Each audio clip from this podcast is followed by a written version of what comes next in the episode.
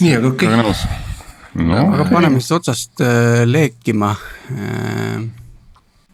tegin küll hmm..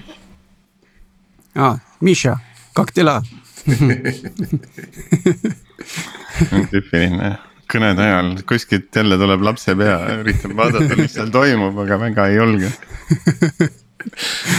uus on äh, Teamsil ja Zoom'il on need äh, maagilised taustad, mis sa saad endale taha panna, eks. Nendega on ka tore mängida, sest nad tulevad ja vaatavad, et millal neid ei ole näha ja siis millal nad nagu päriselt ilmuvad sinna tausta tagant välja see kooli, koolilisti tuli ka üks, ükskord kiri siin, et, et lapsevanemad, pidage meeles, et teie lapsed kasutavad videokõnesid, et. et ilmselt on mõned paljad lapsevanemad sinna kaamerasse väga hea. päris hea. Alright, kuulge, aga davai, paneme siis leekima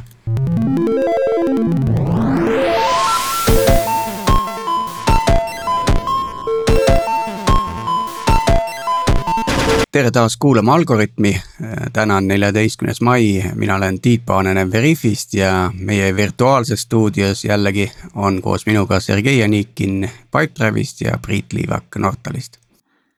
Sergei ja Priit, et kuidas teil on läinud, et äh, olete valmis kontorisse tagasi minema või kas tahategi üldse kontorisse tagasi minna? Tead, mina üldse ei, ei tiku veel nii kiiresti, ma esimese hooga laseks sinna kontorisse tagasi äh, need inimesed, kellel on äh, kodus liiga palju inimesi, et seal tööd teha. eks liiga palju inimesi või liiga palju lapsi siis, kes, kes vajavad tähelepanu.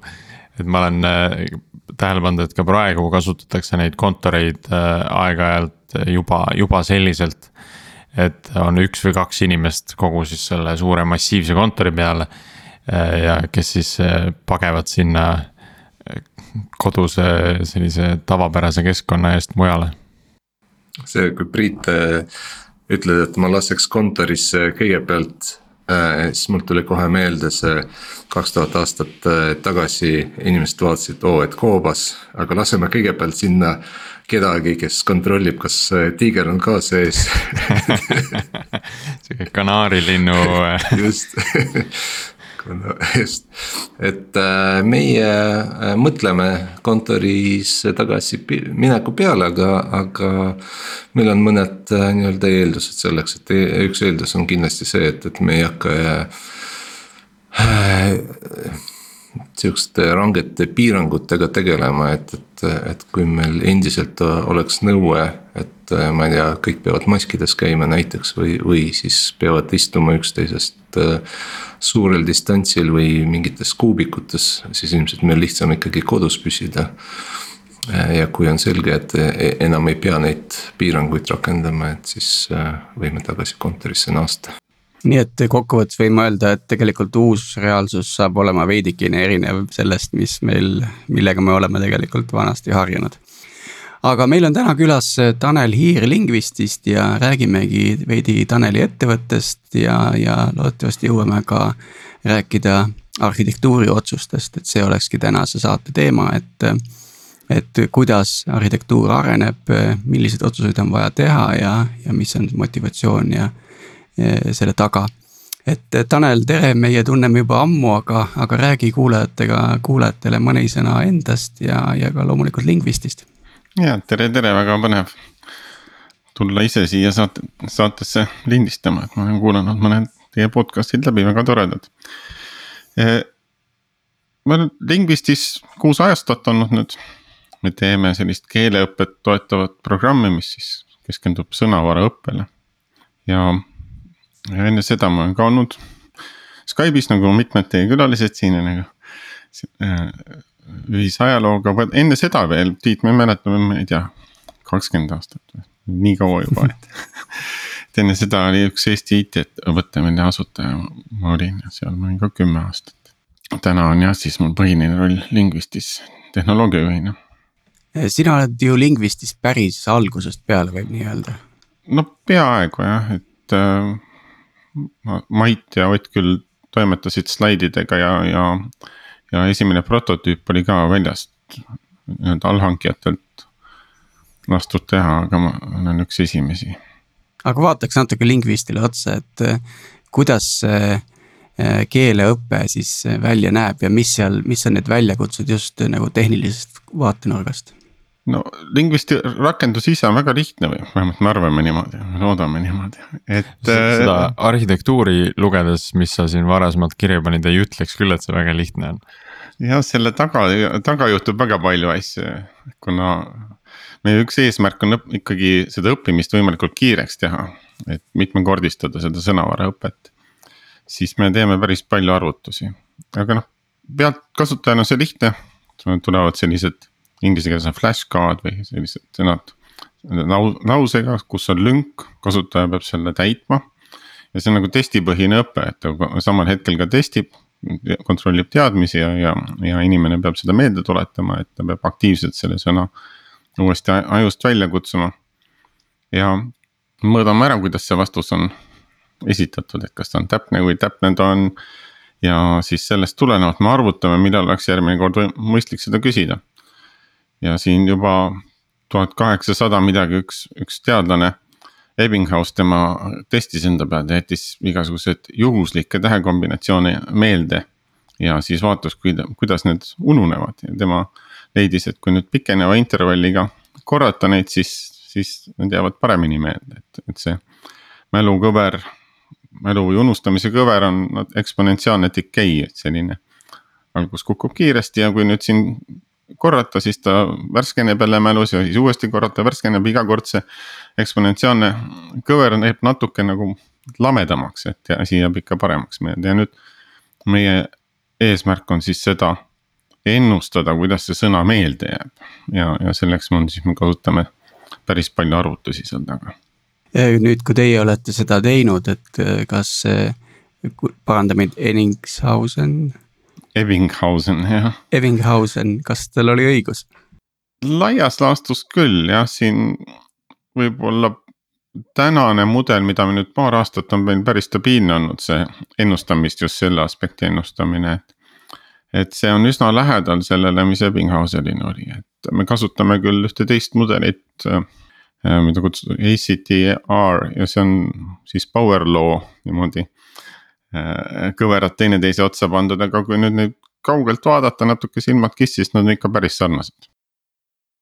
aga need, need mudelid täna on, äh, ma saan aru, veel täitsa üldised, äh, põhimõtteliselt kõikide kasutajate peale rakendatavad, et sellist personaliseeritud keeleõppe mudelit, mis alustaks mingisugusest baasmudeliks, mudelist ja siis kohanduks minu enda isikliku mälu järgi, et seda veel hetkel ei ole, eks me ikka kohaneme, kohaneme iga isiku järgi, et noh, loomulikult me alustame mingist keskmisest. see keskmine on siis tuletatud seal mõne miljoni te, teise õppesündmuse pealt.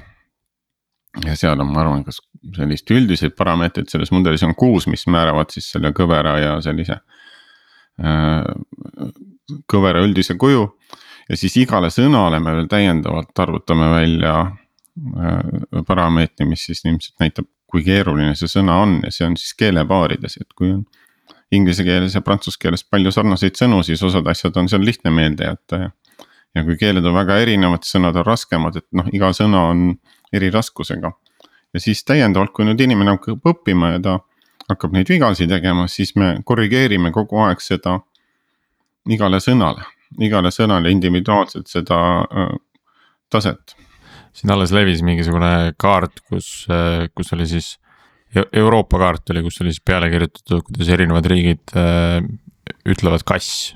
mis see sõna kassi kohta on, need olid üllatavalt sarnased nagu üle.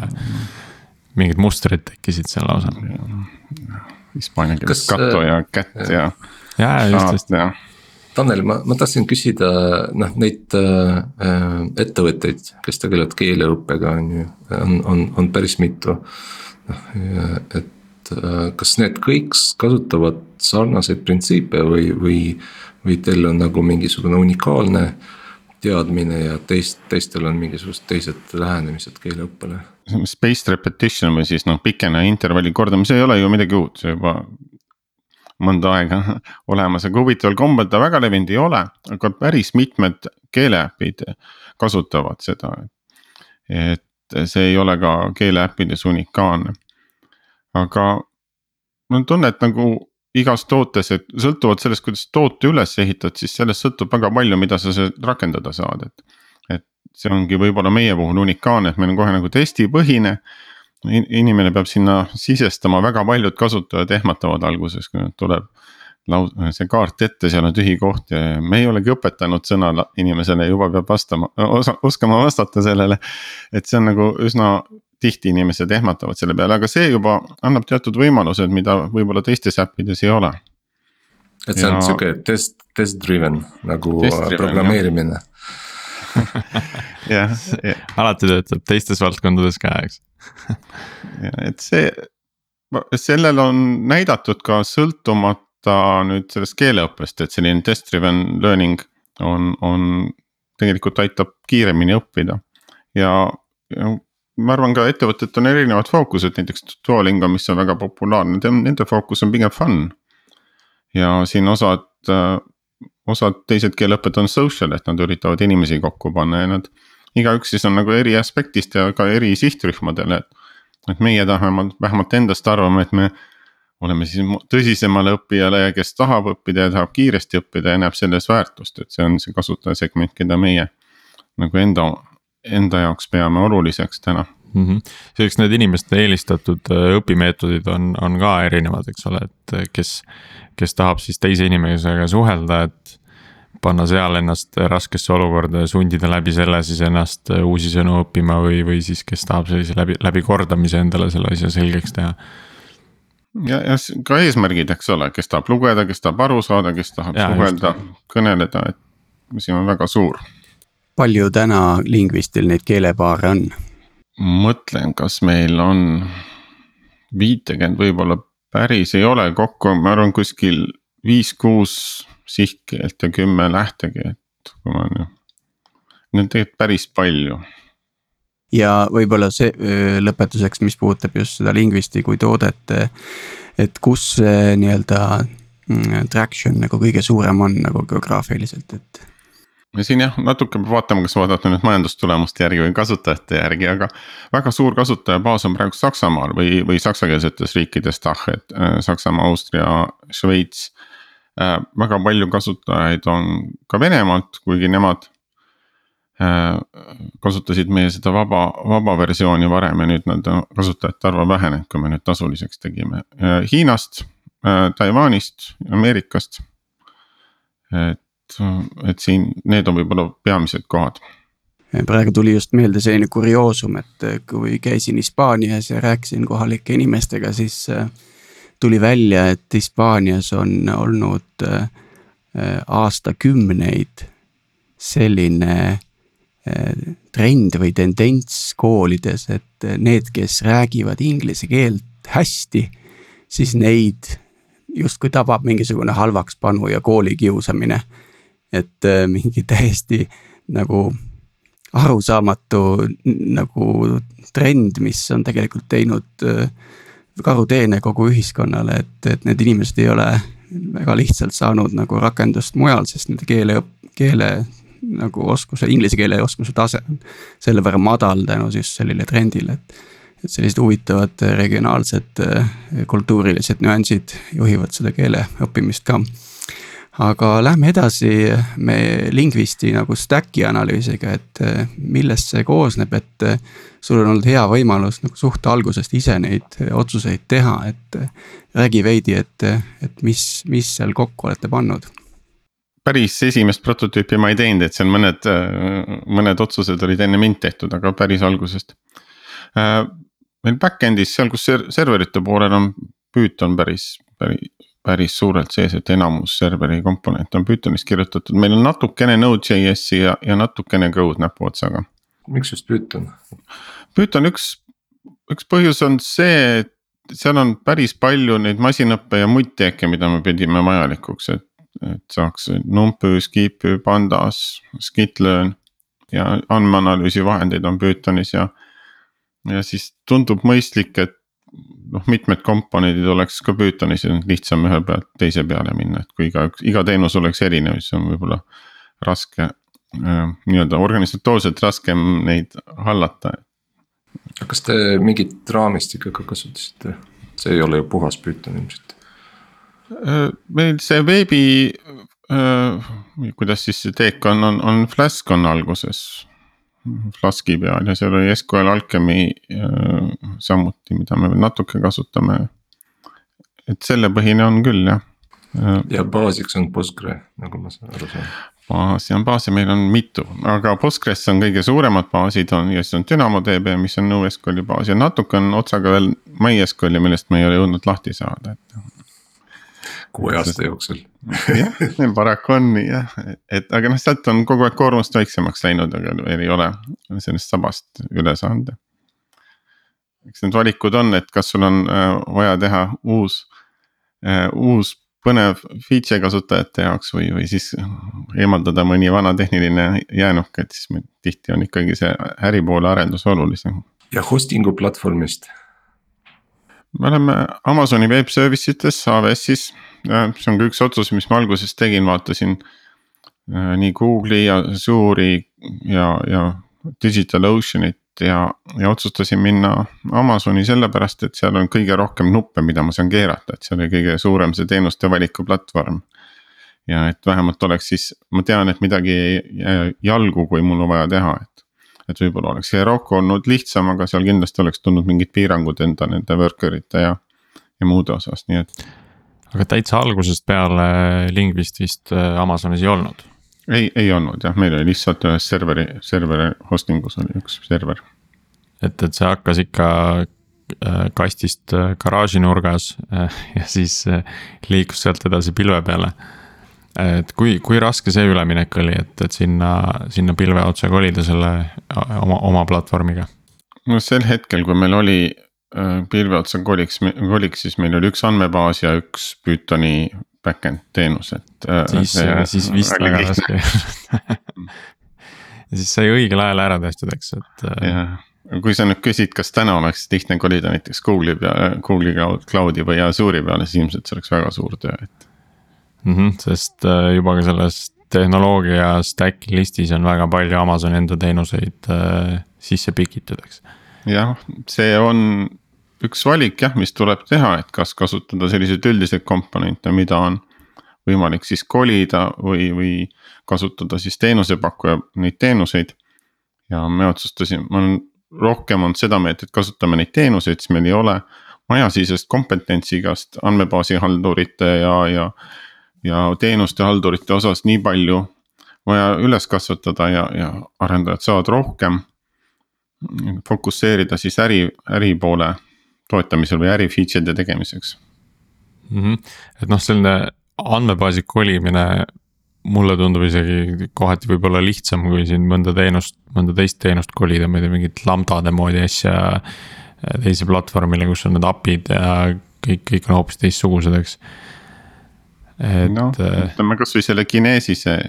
eks see, noh, ta on ju Kafka analoog, ma võiks Kafka, Kafka peale kolida, isegi mõned Kafka elemendid mulle meeldivad siin Magnus mainis ka, et tal on storage'i node'id, mida siin Kinesis on ainult nädal aega.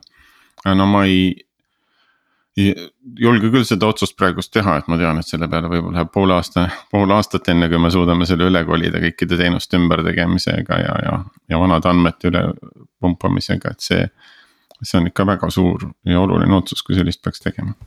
No natukene me juba rääkisime või õigemini sa rääkisid sellest äh, arhitektuuri otsuste tegemisest ka, et, et kui sa, kui sa rääkisid sellest, et äh, Python äh, sai valitud ka teiste moodulite jaoks peamiselt selle tõttu, et mitte seda äh, suurt segadust sinna tekitada erinevate keelte kasutuselevõtu näol, et see on, see on väga selline põhimõtteline, põhimõtteline otsus ühe, ühe, ühe projekti jaoks. Ja, ja ma ise olen ka täpselt sellist natukene sellist standardiseerimise meelt et mitte igal pool ei pea kõik samad asjad olema, aga noh, kui saab, siis see teeb tegelikult elu tihti lihtsamaks. et on selliseid põhimõtteid sul veel, mida sa oled kogu seda tehnoloogia stack'i ja arhitektuuri äh, üles ehitades üritanud järgida, et äh, millest, millest kindlasti kinni pidada või mingid, mingid asjad, mida sa rikkuda ei tahaks? Võib-olla peamine on ikkagi, et see teenus oleks stabiilne sellest lähtuvalt, et, et tänapäeval on ju kõik kasutajad eel-, harjunud igas Google'i ja, ja muude selliste teenustega, mis kogu aeg töötavad. ja ma arvan, et väga paljud otsused, mis seal on teinud, on, on lähtunud sellest ja noh, muidugi nagu Skype'i kogemus tohutult aitas kaasa ka, seal ei olnud ju ka võimalik.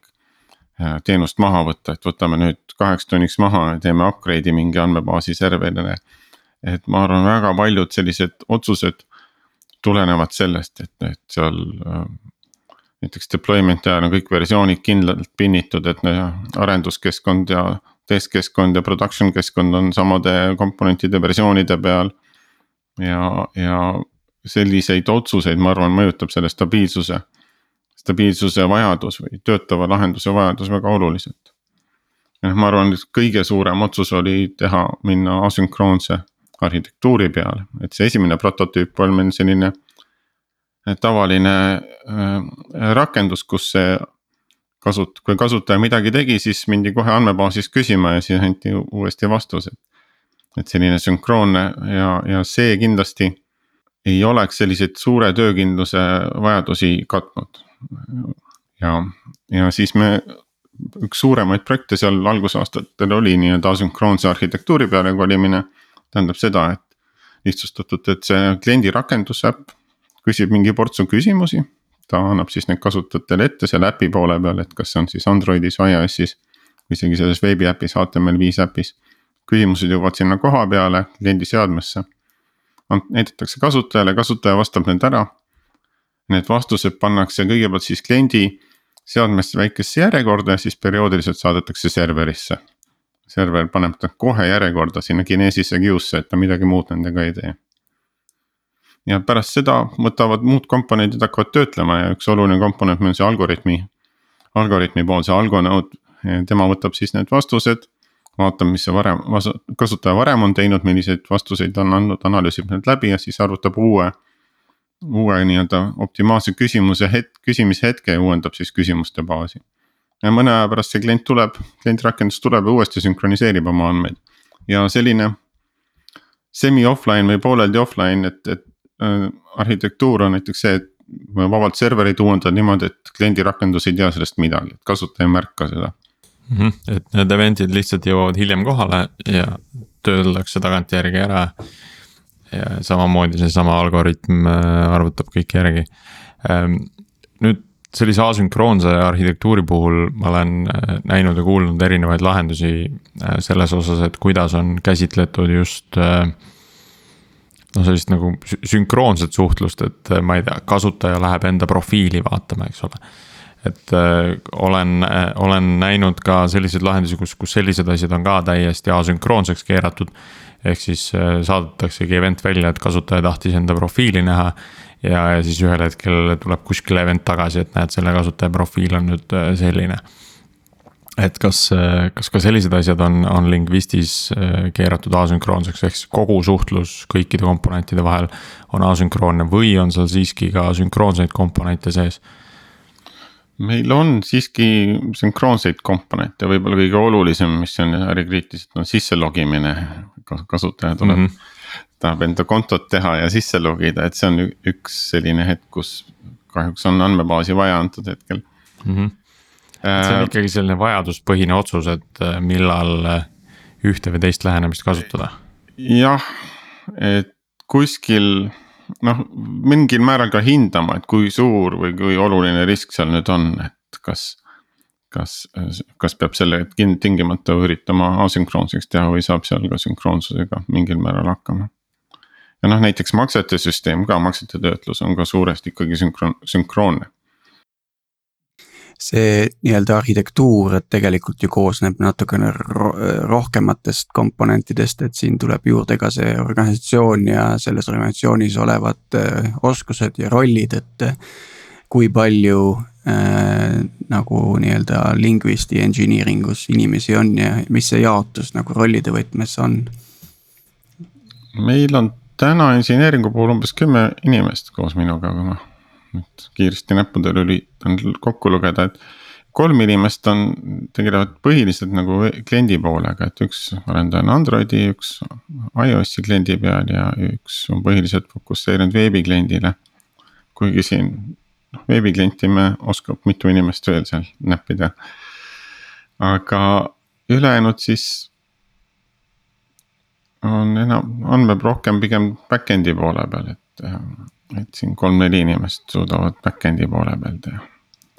et siis nii-öelda selle DevOpsi andmebaasi maailma osas loodate puhtalt nagu Amazoni stack'ile ja nendele tööriistadele, mis seal on, et. jah, jah, meil ühtegi operations, et ühtegi andmebaasi haldurit või süsteemi haldurit eraldi rollina ei ole, et me need back-end'i arendajad, nemad tegelevad ise selliste ülesannetega mm. -hmm. ja siis on, äh, siis on ilmselt äh, tooteomaniku rollis keegi ja äh, aga kust tuleb selline usability pool või noh, et kuna, kui on kolm erinevat kasutajaliidest, siis kuskilt peab ju tekkima ka see, see tagamine, et need kõik näevad ühtemoodi välja või sarnased välja, et noh, iOS-is ja Androidis päris üks-ühele asja teha ongi raske, aga et nad järgiks samu põhimõtteid, kas see on siis nii-öelda see ähm, kliendi arendustiim äh, mõtleb neid teemasid ühiselt ja töötab ühe, ühe tiimina.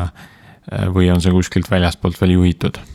ja lisaks jah, arendajatena meil on ka disainerid, kolm või neli, sõltub nüüd, kuidas nüüd täpselt piire tõmmata ja, ja paar inimest, kes selle toote poolsete nii-öelda backlog'i ja, ja selle osaga tegelevad aga tiimid ei ole nüüd meil organiseeritud, et meil on üks klienditiim. meil on pigem on selline cross-functional, et seal ühes tiimis on kliendi arendaja, back-end'i arendaja, disainer ja siis see toote poole esindaja.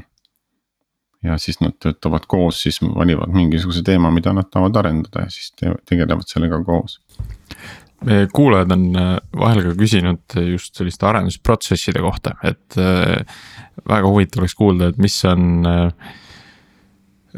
mis on lingvistis sellist, mis on võib-olla mõnevõrra teistsugune, et, et on mingeid praktikaid, mida te olete hüljanud, sellepärast et te saate aru, et äh, lingvisti jaoks need ei tööta või teie tiimi jaoks need ei tööta. või midagi, mida, mida on pidanud hakkama kasutama äh, selle arusaamisega, et noh, ilma selleta üldse ei saa. mul on tunne, et me küll iga aasta korraldame enda töö, töö, töökorraldust ümber, et. see, see on vist hea märk pigem et, et siin äh, öelda, et meil on kindel metoodika, seda kindlasti ei ole, et me siin aega varem liikusime Scrumi poole, kuigi me ei taha öelda, et kõike Scrumi metoodikat oleks kasutanud, aga lihtsalt. meil on backlog ja meil oli, on grooming ja, ja seda tüüpi äh, Scrum, Scrumi elemendid on sees täna ma pigem ütlen, et natukene Scrumist oleme loobunud, pigem paindlik, paindlikumaks, et, et ei ole see nii range tsükliga nagu Scrum aga kui, kui nüüd võtta, et oli, oli backlog ja grooming. et äh, tiim on üsna suur tervikuna, kümme inimest, noh kümnekesi grooming ut teha on juba päris, päris keeruline, et äh, kes nagu sellisel äh,. sellisel üritusel kohal oli? vahepeal tõesti, meil oli väga suur grooming, kus oli üle kümne inimese ja see oli ka üks põhjus, me lõikasime teistpidi selle tiimi äh, tükkideks et eks siin iga selle tiimi otsusega tuleb vaadata, et milline see kommunikatsiooni ahel on, et, et kus on kõige, kõige väiksem nii-öelda communication over'i, et kus kõige vähem tekib seda äh, auku erineva inimeste vahel, et mida rohkem inimesi, seda suurem see kommunikatsiooniprobleem on. et kindlasti ei ole ühtegi ideaalset nagu lõiget ja täna on meil pigem kaks tiimi, kes siis omavahel äh, groom ivad. et kas viis-kuus inimest niimoodi on grooming ul seal et alati, alati on mingi aspekt, mille, mille peale siis tahaks optimeerida ja vastavalt sellele tuleb siis ka see lõige teha seal äh, tiimi sees, eks. täna meil on natukene optimeeritud paindlikkuse peale, mitte niivõrd sellise suure delivery kiiruse peale. et võib-olla paar aastat tagasi meil oli optimeeritud selle peale, et me su suudaksime võimalikult kiiresti ja konsistentselt anda neid uusi äh, feature'si välja või äripoole, äripoole ja täna me oleme natuke neid sinnapoole, et me tahaks anda vabadust eksperimenteerida erinevatel tiimidel, erinevaid ideesid proovida teineteisest sõltumata. et näiteks osad eksperimendid jooksevad meil iOS-i peal, osad Androidi peal ja osad veebirakenduse peal ja siis, kui see eksperimendi tulemus on positiivne, siis ta kandub üle teistele klientidele. noh, kõigepealt katsetatakse ühe platvormi peal ma veel mõtlesin sellise küsimuse peale, et, et tavaliselt mingisugust arhitektuuri muudatust või otsused tulevad lähtudes kas olemasolevast või ennust-, ennustatavas bottleneck'is pudelikaelast on ju, et, et. et mis pudelikaelu sa pidid Lingvistis lahendama nende aastate jooksul? ma arvan, et see, selle asünkroonse arhitektuuri peale minek võib-olla tagantjärgi tundub natuke oli vara. et, et see serveri või noh, see koormuse kasv ei ole olnud nii suur. kuigi tänu sellele on mingisugused koormushüpped suudetud ilusti üle elada, ilma et midagi oleks maha läinud. aga, aga me, üks otsus oli see, et kuna me tahame arvutada selle kasutaja selle õppeprotsessi ja, ja ei olnud mul ette teada, kui kaua selline arvutus võtab aega, kas see on millisekundites või minutites. siis see asünkroonne arhitektuur just andis sellise vabaduse ka, et me saame ükskõik kui keeruliseks või lihtsaks selle algoritmi osa ajada. Ja see oli võib-olla üks asi, mida sel hetkel, kui me tegime selle otsuse, ma ei, ei, ei kujutanud ette või ei teadnud, kui keeruliseks see algoritm võib minna. et see. kui, kui palju ta võtab aega nüüd siis? see kui jooksvalt nüüd kasutaja õpib, siis ta on ikkagi sekundite küsimus, aga see, see on selline parim, et kui kasutaja tuleb alguses õppima.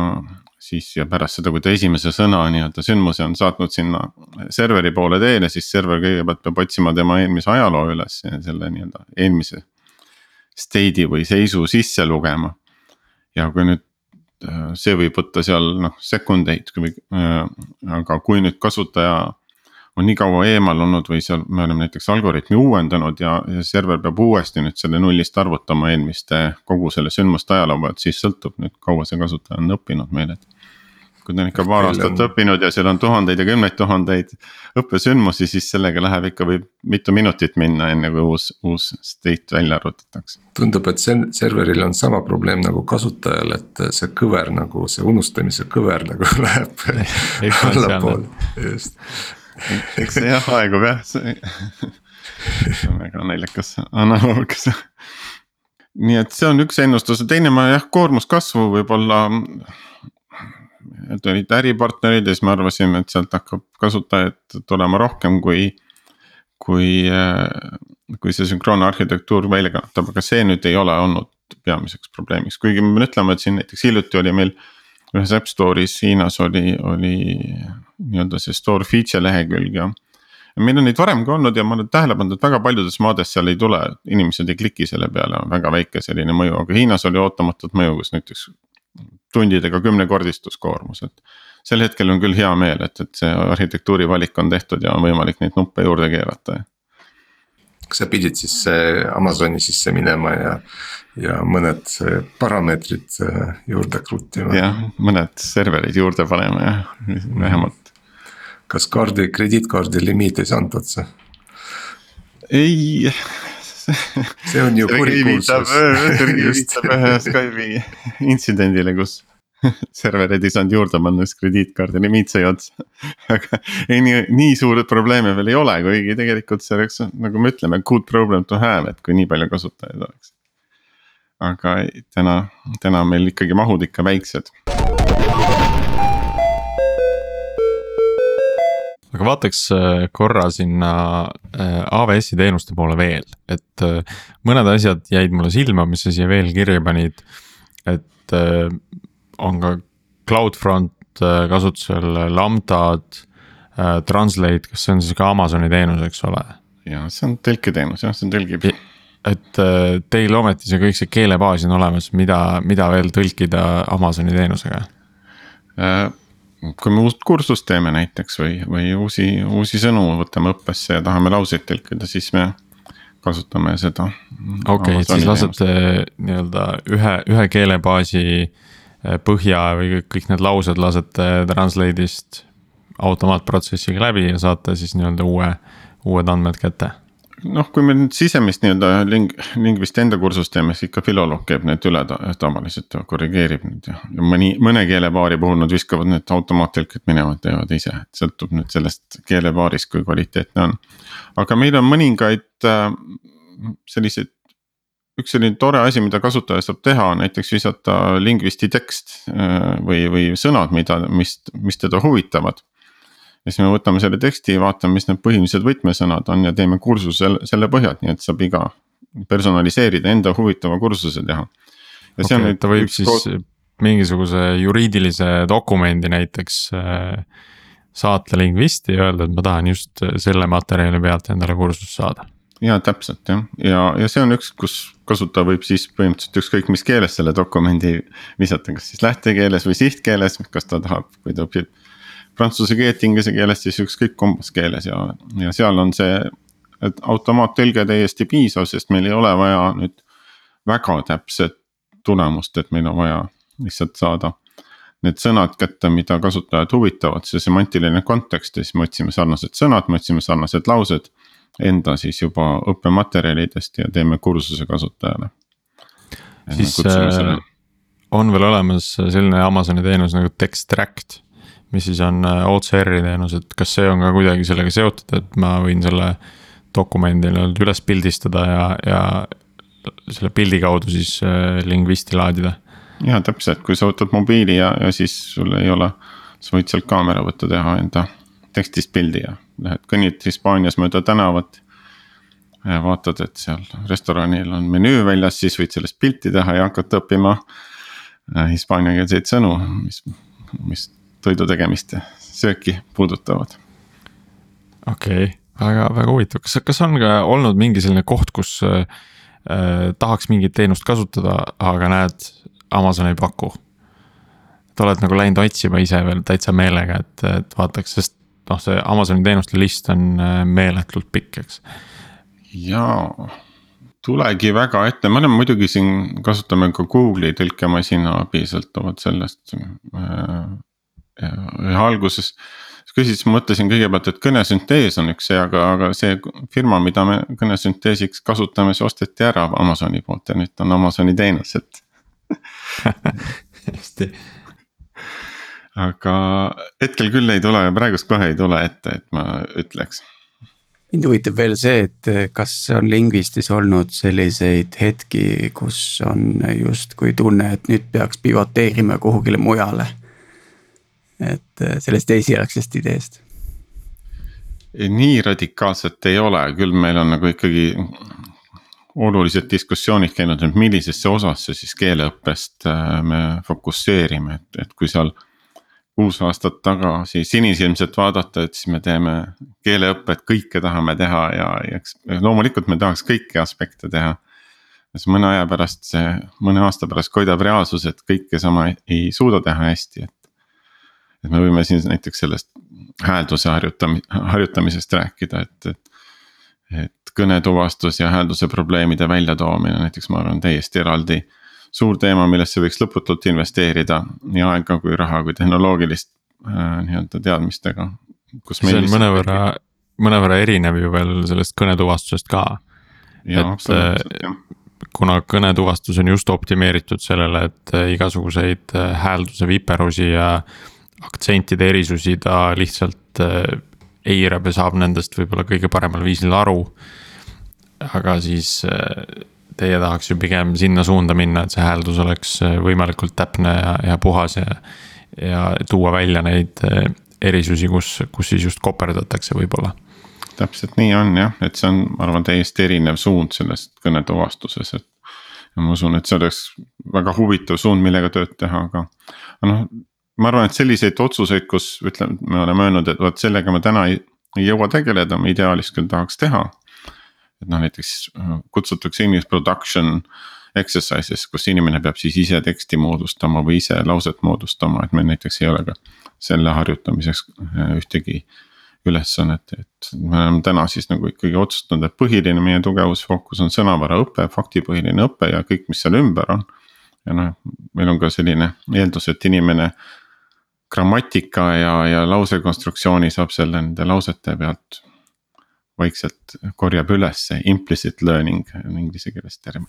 selle saate äh, idee tegelikult sai alguse hoopis äh, teisest kohast. Äh, ja võib-olla peakski nüüd korra sinna sisse vaatama, et me rääkisime siin erinevatest andmebaasidest ja, ja just sellest, et kuidas Amazon neid pakub.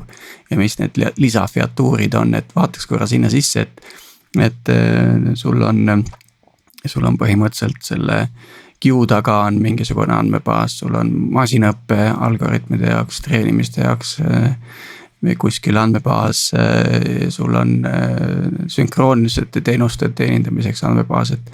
kuidas see arhitektuur välja näeb ja mis on need kohad, mis on nagu aitavad Lingvisti just Amazoni stack'ist lähtuvalt? ja veel olulisem, et mitu, mitu Honda Civicut need andmebaasid kõik maksavad?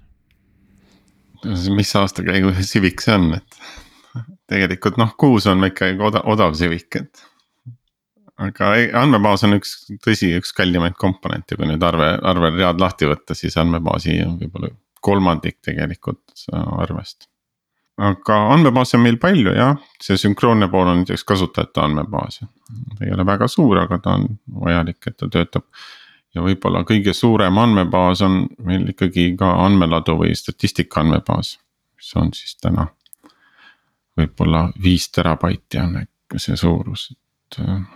ja, ja teise suuruse teine andmebaas on see, kus on siis iga kasutaja kohta iga sõna, mida nad on õppinud ja selle, selle sõna viimane seis või millal teda tuleks uuesti korrata. Ja see võib-olla on kaks pool terabaiti ja see on selline operatsioon, operational baas, et sealt pealt siis tehakse päringuid ja antakse kasutajatele sõnu ette ja.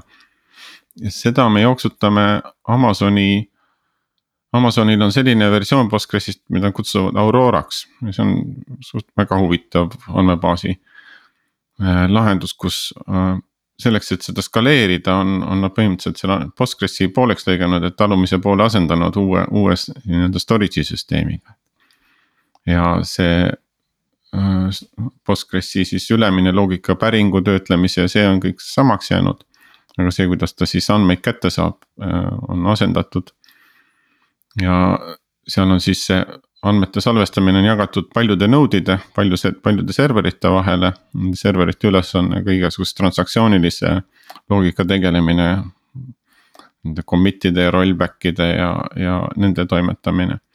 ja ma ütleme ikkagi väga üllatunud, kui hästi see, hästi see töötab ja kui suur nagu see äh, läbilaskmise töötlemisvõime sellel on, et ma ei näe, et see baas meil on ikkagi suhteliselt väikene server seal instants, et ma ei näe, et see meile aja jooksul jalgu jääb. kas seal see skaleerimine on põhimõtteliselt lõpmatu või seal on ikkagi on kuskil piirid ees? no ma olen täitsa kindel, et piirid on ees, lihtsalt ma arvan, et meie oleme piiridest ikka veel väga kaugel, et. Et kui siin võib-olla kolm aastat või neli aastat tagasi me sellesama andmebaasi disainiga, me nägime väga palju vaeva ja mõtlesime selle peale, et kuidas me seda lahendada. lahendama, sest me teadsime, et see on üks kõige suurema koormusega andmebaas. ja mul oli selline hirm, et, et relatsiooniline baas võib-olla ei lihtsalt jääb jalgu ühel hetkel. ja, aga me sel hetkel otsustame, et selle NoSQL-i peale läks ikka loogika nii keeruliseks, et teeme relatsioonis ja paneme Postgressi ja, ja siis kui hakkab jalga jääma, siis teeme. Siis teeme ümber ja nüüd on kolm-neli aastat hiljem, see ei ole jalgu jäänud ja ma ei näe, et ta jääb nii jalgu, et, et see tänapäeval.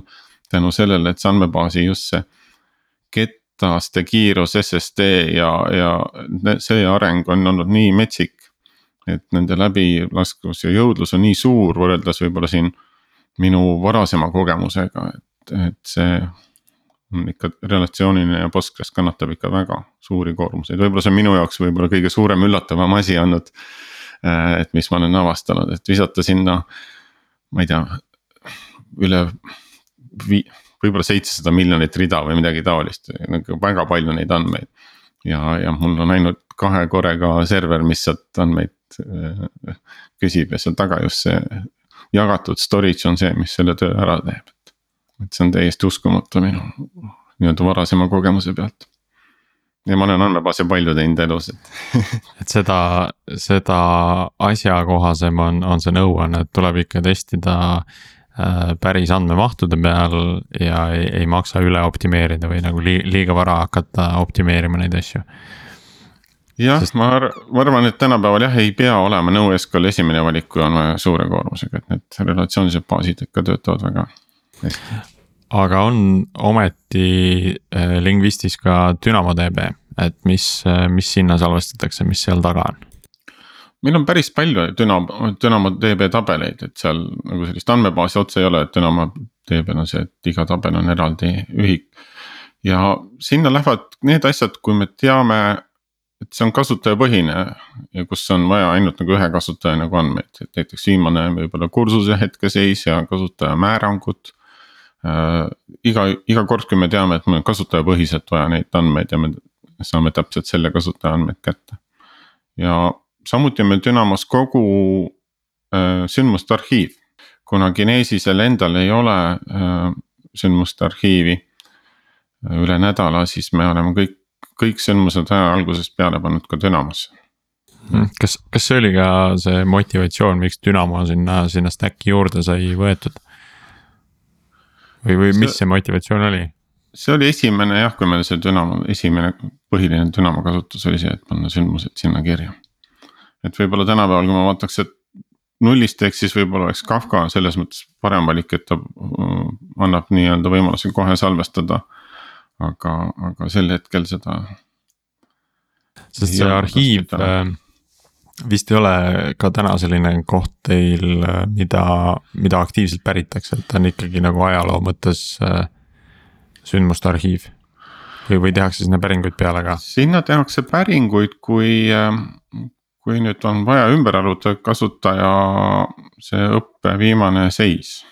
et, et sellisel juhul võidakse sinna päringuid teha, aga see on alati kasutajapõhine, et see ei ole kunagi üle, üle kõikide kasutaja, et, et sellepärast see, see töötab, et see on ühe. ühe kasutaja andmete päring on, käib sinna pihta. tekkis huvi, et, et kas teil need teenused on ühes konkreetses Amazoni regioonis?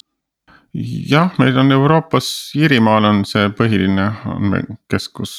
küll need teenused on siis nüüd kolmes availability zone'is nagu Amazon neid nimetab siis kolmes eri füüsilises kohas, aga nad on ühes regioonis Iirimaal. Ja tänu sellele, et see rakenduse ja serverite või back-end'i vahel on asünc, et tegelikult teid ei huvita nii väga see latents kliendi ja serverite vahel. no, no me... teatud teemade puhul on ju see CDN on ka seal vist vahel veel jah, meil aitab kaasa. jah, meil on äh, üks otsus, mis me tegime, oli see, et me selle sisu ehk laused, tõlked, näitelaused, äh, sõnad, audiofailid. Ja need on eraldatud, see nii-öelda sisu pool on, on eraldatud, see ei käi meie serveritest läbi. et serverites käivad ainult numbrid läbi, nii-öelda see algoritmi pool ja nüüd see sisu pool on siis selles CloudFrontis, CDN-is, et see on mööda maailma laiali et see on kasutajale nii-öelda võimalikult lähedal. ja, ja tänu sellele ei ole oluline, et meil see algoritmi need pool oleks igal pool laiali, et.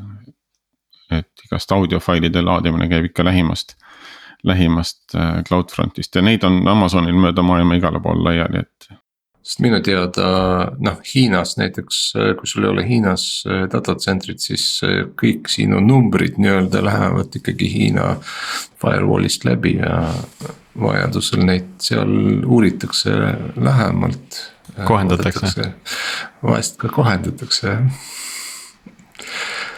ehk see, see tähendab, et ikkagi kõik numbrid liiguvad hästi aeglaselt keegi peab neile peale vaatama ja oma approve'i panema. seda, eks seal on mingi tõepõhi all, sellepärast et me näiteks äh, see Chrome ju ja, või Google raporteerib ju seda, kaua võtab veebilehe laadimine, see on selgelt näha, et Hiinas võtab see kauem aega kui mujal. Mm -hmm. mis, mis toob meid tegelikult äh, huvitava monitooringu teema juurde, et kui palju selliseid äh, kasutajakogemuse meetrikaid äh, Lingvist kogub, et noh, Androidi ja iOS-i peal on samamoodi neid, neid võimalik ju korjata. loomulikult, eks on kõik õppe, õppesündmused, et kasutaja vastab millelegi, need on meil kirjas mm, -hmm. aga meil on ka kirjas ähm, kasutaja. klikib mingit nuppu ja kus me tahame teada, kas see, kumbat nuppu ta siis rohkem klikib mm -hmm.. sihuke A-B testingu äh, vaates A-B testingu vaates ja need me korjame tavaliselt ikka enda andmebaasi, me ei jäta seda et meil oleks ajalugu olemas ja saaks neid täpsemalt analüüsida. et see on võib-olla jah, põhine, mida me vaatame, et seal. kui nüüd me teeme mingi muudatuse, me teeme A-B teste päris palju. Et ma arvan, et praegust ka võib-olla viis, viis tükki jookseb paralleelselt erinevates kliendi selles ahelates või erinevate klientide peal. ja siis selle, selle tulemuste analüüsiks meil on, on vaja sündmuseid korjata või mis kasutaja, kasutaja teeb. selle A-B testinguga tuli, tuli meelde, et äh, võiks uurida seda, et äh, ma saan aru, et need kliendid, mobiilikliendid on native kliendid, et. Või kui palju sellest mobiilikliendi sisust sul on võimalik nagu kiirelt muuta versus, et klient peab uue rakenduse update ima mobiiliklientidega on selline ka huvitav, et kui me päris alustasime, siis me tegime HTML5 äh, põhise mobiilikliendi, et võtsime selle veebikliendi, panime lihtsalt talle äpi ümber ja publitseerisime see App Store'i ja, ja meil oli päris pikk selline diskussioon selle üle, et kas me peaksime native kliendid tegema ja, ja, ja. Ma pean ütlema, see on üks koht, kus mina nagu arvasin selle, et me saame HTML5 kliendiga ka kõiki neid asju eksperimenteerida ja tagantjärgi ma olen nagu õnnelik, et mind ümber veendi ja me võtsime, tegime native kliendid, et. Need native kliendid on siiski ikkagi palju, palju parema kasutatavusega, kuigi see HTML5 võimaldab ka väga kihvte asju teha, siis native'ita. Native'ini ikka ta lähedale ei jõua aga paraku jah, AB testimisega meil on ikka vaja uus reliis teha, uus, uus versioon välja saata, Androidi peal on see lihtsam iOS-i puhul on alati loterii, et kas see, seekord Apple saadab tagasi ja nad leiavad midagi eh, uudselt. mida nad on kolm, kolm aastat on rahulikult aktsepteerinud ja nüüd nad järsku avastavad, et seekord ei sobi. et äh, see määrab küll teatava nagu tsükli. et meil päris iga nädal nüüd seda kliendi uuendust ei toimu, et, et siin kaks-kolm nädalat võib-olla on kliendi uuendustsükkel Androidi peal ja natuke, natuke pikem iOS-i peal aga nüüd AB testid, kui ta on juba ette valmistatud, siis me saame serveri poolt kontrollida, et kui palju kasutajaid neid näevad või selle ära keelata, kui see tõesti halbasid tulemusi näitab. või, või peale panna kõigile, kui see häid tulemusi näitab. aga sa ütlesid, et, et see kasutatavus äh, just nagu native äppide puhul on parem. et mis, mis seal need, need faktorid või tegurid on, et noh, et see äh, rakendus täna tundub just olevat sobilik selline HTML5 Äh, temaatika jaoks, kuna ta ei, ta ei kasuta mobiili või, või selle, selle seadme mingisuguseid riistvaralisi ressursse äh,. ei kaamerat, ta ei vaja sellist tugevat arvutusvõimsust seal nagu mingid mängud, eks, et noh, et kust, kust see võit nagu tuli, et arendus ometi võtab ju nüüd kolme platvormi peale rohkem aega, kui ta võttis varem. jah, arendus on muidugi kolm korda kallim, ütleme niimoodi, et ja lisaks veel see, et need võivad natuke erinevas suunas minna. aga ma arvan, see põhiliselt ikkagi on detailides sellises, kui, kui sujuvalt see rakendus liigub, et kas me saame seda animatsiooni või üleminekut teha või. Äh, et sellisest pisikestes detailides, et aeg-ajalt ikkagi see HTML5 äpp on natukene aeglane, ta natukene on võtab aega, enne kui kasutajale reageerib, et sellised, sellised, sellise detailsuse tasemel on see põhiliselt erinevused. ma arvan, nagu arenduse poolelt saaks kõik asjad tehtud HTML5-ga. aga kui meil on nüüd äh, kuulaja, kes, kes midagi äh, sellist äppi on endale just äh, plaanimas luua, siis mida sa talle soovitaksid, kas alustada HTML5-ga, wrap ida see ära, nagu teie tegite ja hiljem vaadata, kas kolida native'i peale.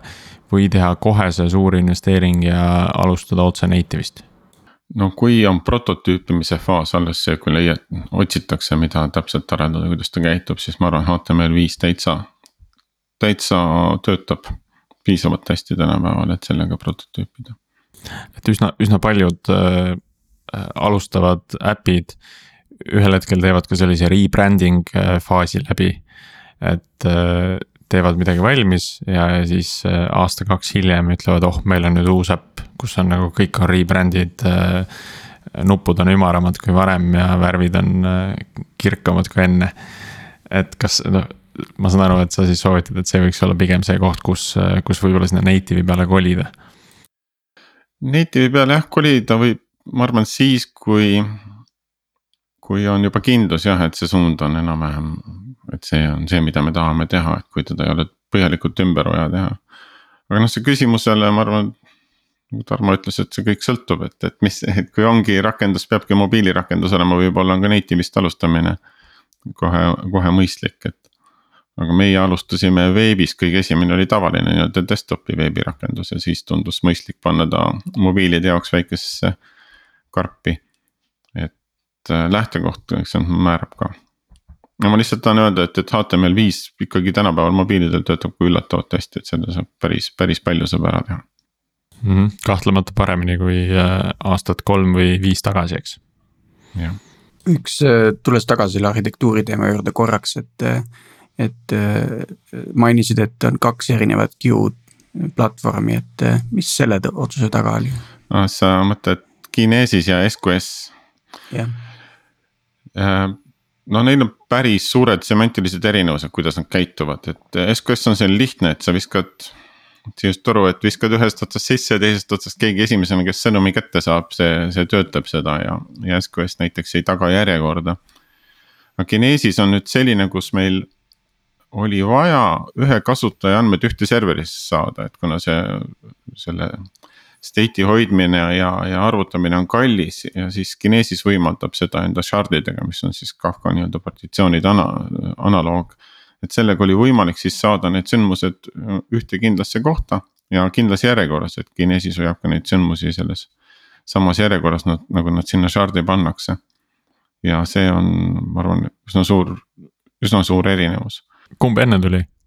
Kinesis oli kõigepealt mm. -hmm. et kõigepealt me selle läksime, tegime Kinesise peale, siis hiljem avastasime, et äh, SQS on väga mugav igasuguste integratsioonide teineteisest lahus hoidmiseks, et kui meil on vaja siia näiteks marketingi tool'i äh, vahendisse saata sündmusi, siis on kõigepealt noh hea panna sinna SQS queue'sse ja siis vaikselt töödelda või kui meil on vaja. kuhugi mujale andmeid saata, et see näiteks statistikabaasi vaja andmeid saata, siis on väga hea kõigepealt visata see sündmus sinna SQS-i ja siis üles korjata ja töödelda mõne, mõne aja pärast et kui Kinesis on äh, mõneti Kafka sarnane, siis SQS on äh, pigem nagu RabbitMQ Äh, selline li lihtsam queue service, eks. jah, ta nimi ongi simple queue service, nii et Just. väga, täpselt, aga Rabbitiga sarnane jah aga kust tuli see noh, et, et võtta, võtta nüüd SQS, et miks, miks mitte neid lihtsamaid integratsioone teha ka siis läbi Kinesise? Kinesise tarbimine on nii-öelda sündmuste kättesaamine ikkagi üsna tülikas, et. et seal on hästi palju see tarkust on selle kliendi, kliendi poolel vajalik Amazonil on küll kirjutatud library, Kinesis client library. selle integreerimine ja, ja sellega töö on ikkagi suhteliselt keeruline. et mm -hmm. Kinesis see... kasutades peab ikka nagu põhjus olema, et, et seda, see ei ole mõeldud väga lihtsate rakenduste jaoks et jällegi põhimõte, et, et keerukust ei maksa sisse tuua, kui seda otseselt vaja ei ole, sest. no SQS-iga on ikka väga lihtne, et see, seal on väike juba Pythoni komponent tehtud, mis meil on, mille peale võime neid tarbijaid teha kiiresti ja lihtsalt. et äh, SQS-iga on see lihtne, Kinesisega peab alati mõtlema, kuidas sa teed, kuidas need shard'ide vahel mitu protsessi, mitme protsessi vahele jagada. Ja, ja alati selle Kinesis library sinna paigaldama, et seal on, peab olema põhjust, et Kinesist kasutada. ma, ma võin ise ka SQS-i julgelt soovitada äh, olen äh, läbi teinud sellise migratsiooni, kus lokaalselt paigaldatud ActiveMQ vahetati siis äh, SQS-i vastu välja. ja SQS-is vist saab äh, seda nii-öelda compatibility't ka valida, et millise, millise queue tehnoloogia moodi sa tahad olla või millist, milliseid feature eid ta pakub, et, et seal oli täitsa ka ActiveMQ valikus olemas. jah, MSQS-is julgen ka täiesti soovitada, selline tööhobune, mille peal võib loota, et ta täiesti väga, väga hästi töötab. ja ka hinna mõttes ta ei ole tegelikult äh, kallis. jah, ta ei, arvel ei paista välja, et okei okay,, tore äh,, siin otsi kokku tõmmates, et äh, Tanel, et mida sina tahaksid tulevikus Algorütmist kuulata ma mõtlen, mis, mis ma nautisin, seda Magnuse Kafka juttu ja, ja Madise satelliidi juttu ja, ja Tarmo andmeladude juttu. Neid ma nautisin väga, et, et kõik sellised võib-olla sellised huvitavad äh,. arhitektuursed asjad, ma, ma tean küll, et masinõpe vist on ka juba plaanis, aga see äh,. et selliseid äh,, need on, need on toredad, need mulle väga meeldisid natuke suurema pildiga ja võib-olla selliseid asju nüüd kokku ei puutu, ise, ise ei tea, et teistest valdkondadest pisut. kahtlemata nautisid ka meie kuulajad äh, tänast lingvisti juttu. noh, ma loodan. kas tahad midagi Sergeilt ja Priidult või minult küsida? kuidas teil läheb? Tänases, et, et kas teie arhitektuuri otsused saavad tehtud ka siis, kui te kodus olete, et, et kas need vaidlused, mis muidu seal valge seina juures peetakse, kas need toimuvad üle, üle video ka?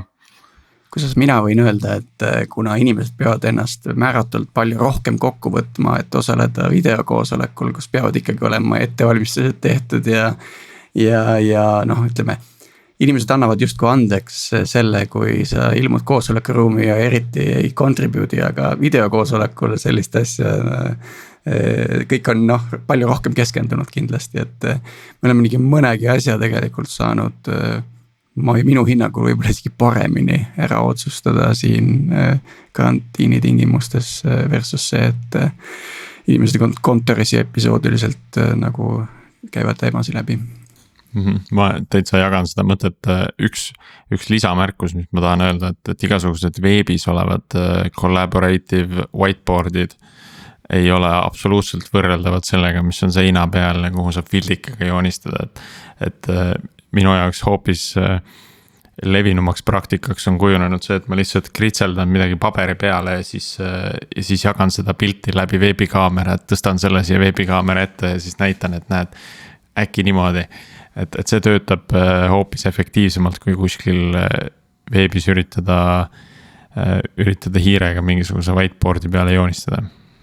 mina räägin jällegi ühe loo nagu mul, mulle meeldib suhelda loode, erinevate loode kaudu, et äh, kui ma liitusin Pipedrive'iga, noh ka vist kuus, kuus pluss äh, aastat tagasi, siis äh, üks nii-öelda arendaja õigus, eh, mille eest ma võitlesin nii struktuuri, organisatsiooni struktuuri ehitamisel, arhitektuuri ehitamisel, protsesside ülesehitamisel, ehitamisel. Eh, eh, see õigus oli see, et iga arendaja peab saama ise oma koodi laivi panna ja, ja selle mõttega, et sina kirjutasid, sina vastutad selle eest, kuidas ta siis äh, kasutajatele paistab. ja noh, selgelt äh, selle õiguse säilitamine organisatsiooni nii-öelda suuruse kasvamisel on, muutub järjest keerulisemaks ülesandeks. sest inimesed on erinevad, nende oskused on erinevad ja noh, meil on erinevaid võtteid, mida me oleme rakendanud, aga. meil on tekkinud olukord, kus äh, Pipedrive'is äh, eelmisel kuul, kus äh, ma pidin korraks selle õiguse ära võtma. et meil on olnud. Pipedrive on muutunud hästi ebastabiilseks ja, ja see on noh, nagu me hiljem selgitasime välja, et mõned äh, muudatused äh, meie veebiäpis äh, lisaks selle staatilise content'i deployment'i mõned iseärasused ja CDN-i iseärasused on tekkinud, tekitanud sihukese olukorda, kus noh, kliendi pool üritas download ida versioone, mis ei ole enam olnud CDN-is või veel ei ole olnud. et, et seal oli mõlemad kombinatsioonid nii-öelda ja, ja, ja noh, et iga, tähendab mitte iga, mõnede deployment'ite ja teatud ajastuste eh, hetkedel tekkisid nii-öelda need downtime'id meie klientidel. ja, ja kuna me nagu natuke võib-olla ei, ei pööranud piisavalt tähelepanu äh, nendele probleemidele ja ei, kohe ei hakanud tegelema, siis äh, mina panin deployment'id, noh muidu meil on nagu sihuke continuous deployment äh, CI-CD ja, ja siis viiskümmend deployment'i päevas ja siis äh, üks hetk kus äh, noh, juba kõik nutsid, kliendid nutsid, meie kasutaja nutis, mina nutsin Äh, ma ütlesin nii, paneme nüüd pausile kõik meie deployment'id ja meil sisuliselt äh, noh, poolteist nädalat äh, ei toimunud deployment'e. me tegime nädalavahetusel sellise äh, planeeritud äh, halduse akna kus me lasime mõned deployment'id kriitilised, kaasa arvatud see bugi fix. mis tekitas, põhjustas selle ebastabiilsuse laivi, aga muidu nädala sees ei olnud deployment'e ja, ja ja üllataval kombel nagu see ei, noh, see oli raske kindlasti arendajatel, sest mõned arendajad, kes näiteks ei ole ennem teistes ettevõtetes töötanud, võtsid selle õiguse nii-öelda loomulikuks. et nad arvasid, et nii elu peabki käima, et ma tegin koodimuudatuse ja kohe deploy sin selle laivi see pani nüüd kindlasti ka seda varasemat situatsiooni hoopis kõrgemini hindama, eks ole Äh, jaa, aga noh, see ei olnud nagu eesmärk, on ju, et, et mõned jah, mõnedele tundus, et see oli karistuseks, aga tegelikult äh, äh, mõte oli pigem vähendada seda müra. Sest kui sul tuleb nagu deployment üksteise järgi ja, ja sul asjad käivad maas, siis väga raske aru saada, et milles see probleem on tegelikult ja ja noh, me võtsime selle lockdown'i maha, kõik hingasid, hakkasid hingama vabamalt, on ju. aga miks ma seda ütlen, sest Tanel küsis, kuidas läheb ja mul see oli sihuke väike, natuke emotsionaalne periood ka, et, et siis ma rääkisin teile selle ära. Sul oli oma lockdown, et kõik ja, vabanevad ja nüüd kõik deploy vad rõõmsalt, käivad jalutamas. ja ma võin ka öelda, et meil oli no mitte sarnane olukord, me tegime nii-öelda eh, teadliku otsuse ka, et eh, vahepeal deployment'id freeze ida, aga see oli pigem, pigem lähtus strateegiliste klientide testimise Veriffi testimise vajadusest, et, et mitte siis nii-öelda panna ohtu seda testimise aknas toimuvat tegevust Äh, sellega, et me vahe, vahetult enne paneme mingisuguse väikse muudatuse, mis nagu võib, võib rikkuda selle kasutaja kogemuse, aga. aga sarnaselt äh, Sergeile inimesed on nii harjunud äh, tegema, välja laskma, uuesti uus asi kohe välja, puh, piu-piu-pau ja, ja, ja tegelikult see frustratsioon, mis sealt tekkis, et äh, asjad kuhjuvad ja enam ei, ei saa üldse aru, mis on kus ja mis reliisis on mis featuuri ja nii edasi, et. et see oli päris selline suur väljakutse, kuigi need äh, deployment freeze'id olid ainult võib-olla maksimum kakskümmend neli tundi pikad, et. tundub, et see on sihuke hea teema, mille põhjal saate teha see deployment on, on jah huvitav jah, et me, meil nii kiiret deployment tsüklit ei ole, nagu siin Sergei räägib, et, et see. Deployment'ist võiks küll rääkida siin saates mm -hmm. samuti. ja, aga tõmbame sel tänaseks otsad kokku ja suur aitäh Tanelile liitumast ja kaassaatejuhtidele samuti ja. ja tahaksin veel kuulajate tähelepanu juhtida, et eh, nii eelmise kui ka selle nädala ähm, Äh, algoritmi äh, reliisi juures on siis ka äh, link meie tagasiside küsitlusele, et. et meie hea partner Genius siis korjab ka algoritmi kuulajate tagasisidet, et olge hea. andke seda siis Facebooki kaudu, kust leiate selle lingi. et oleme väga tänulikud ja alati võib meile kirjutada algoritme, et geenius.ee, et mis, mis, kui on häid saateideid või, või häid kommentaare ja, ja loomulikult oleme tänulikud kõigile, kes on juba kirjutanud, et valdavalt positiivset, aga tihti ka sellist head konstruktiivset tagasisidet oleme saanud, et see teeb alati meele heaks. proovime selle lingi panna ka show notes idesse, ehk see propageerub siis ka Äh, Spotify'sse ja teistesse platvormidesse, kust meid kuulata saab. täpselt nii. ma, ma mõtlesin korraks, Priit, et sa ütled, proovime selle nüüd siin ette lugeda aa, see on ka uus ja huvitav lähenemine tõesti, et. see on järg, järgmise aasta esimese aprilli saade on see, kus me loeme vorme ette veebist väga tore, äh, aitäh kõigile ja kuulmiseni. Kuulmiseni.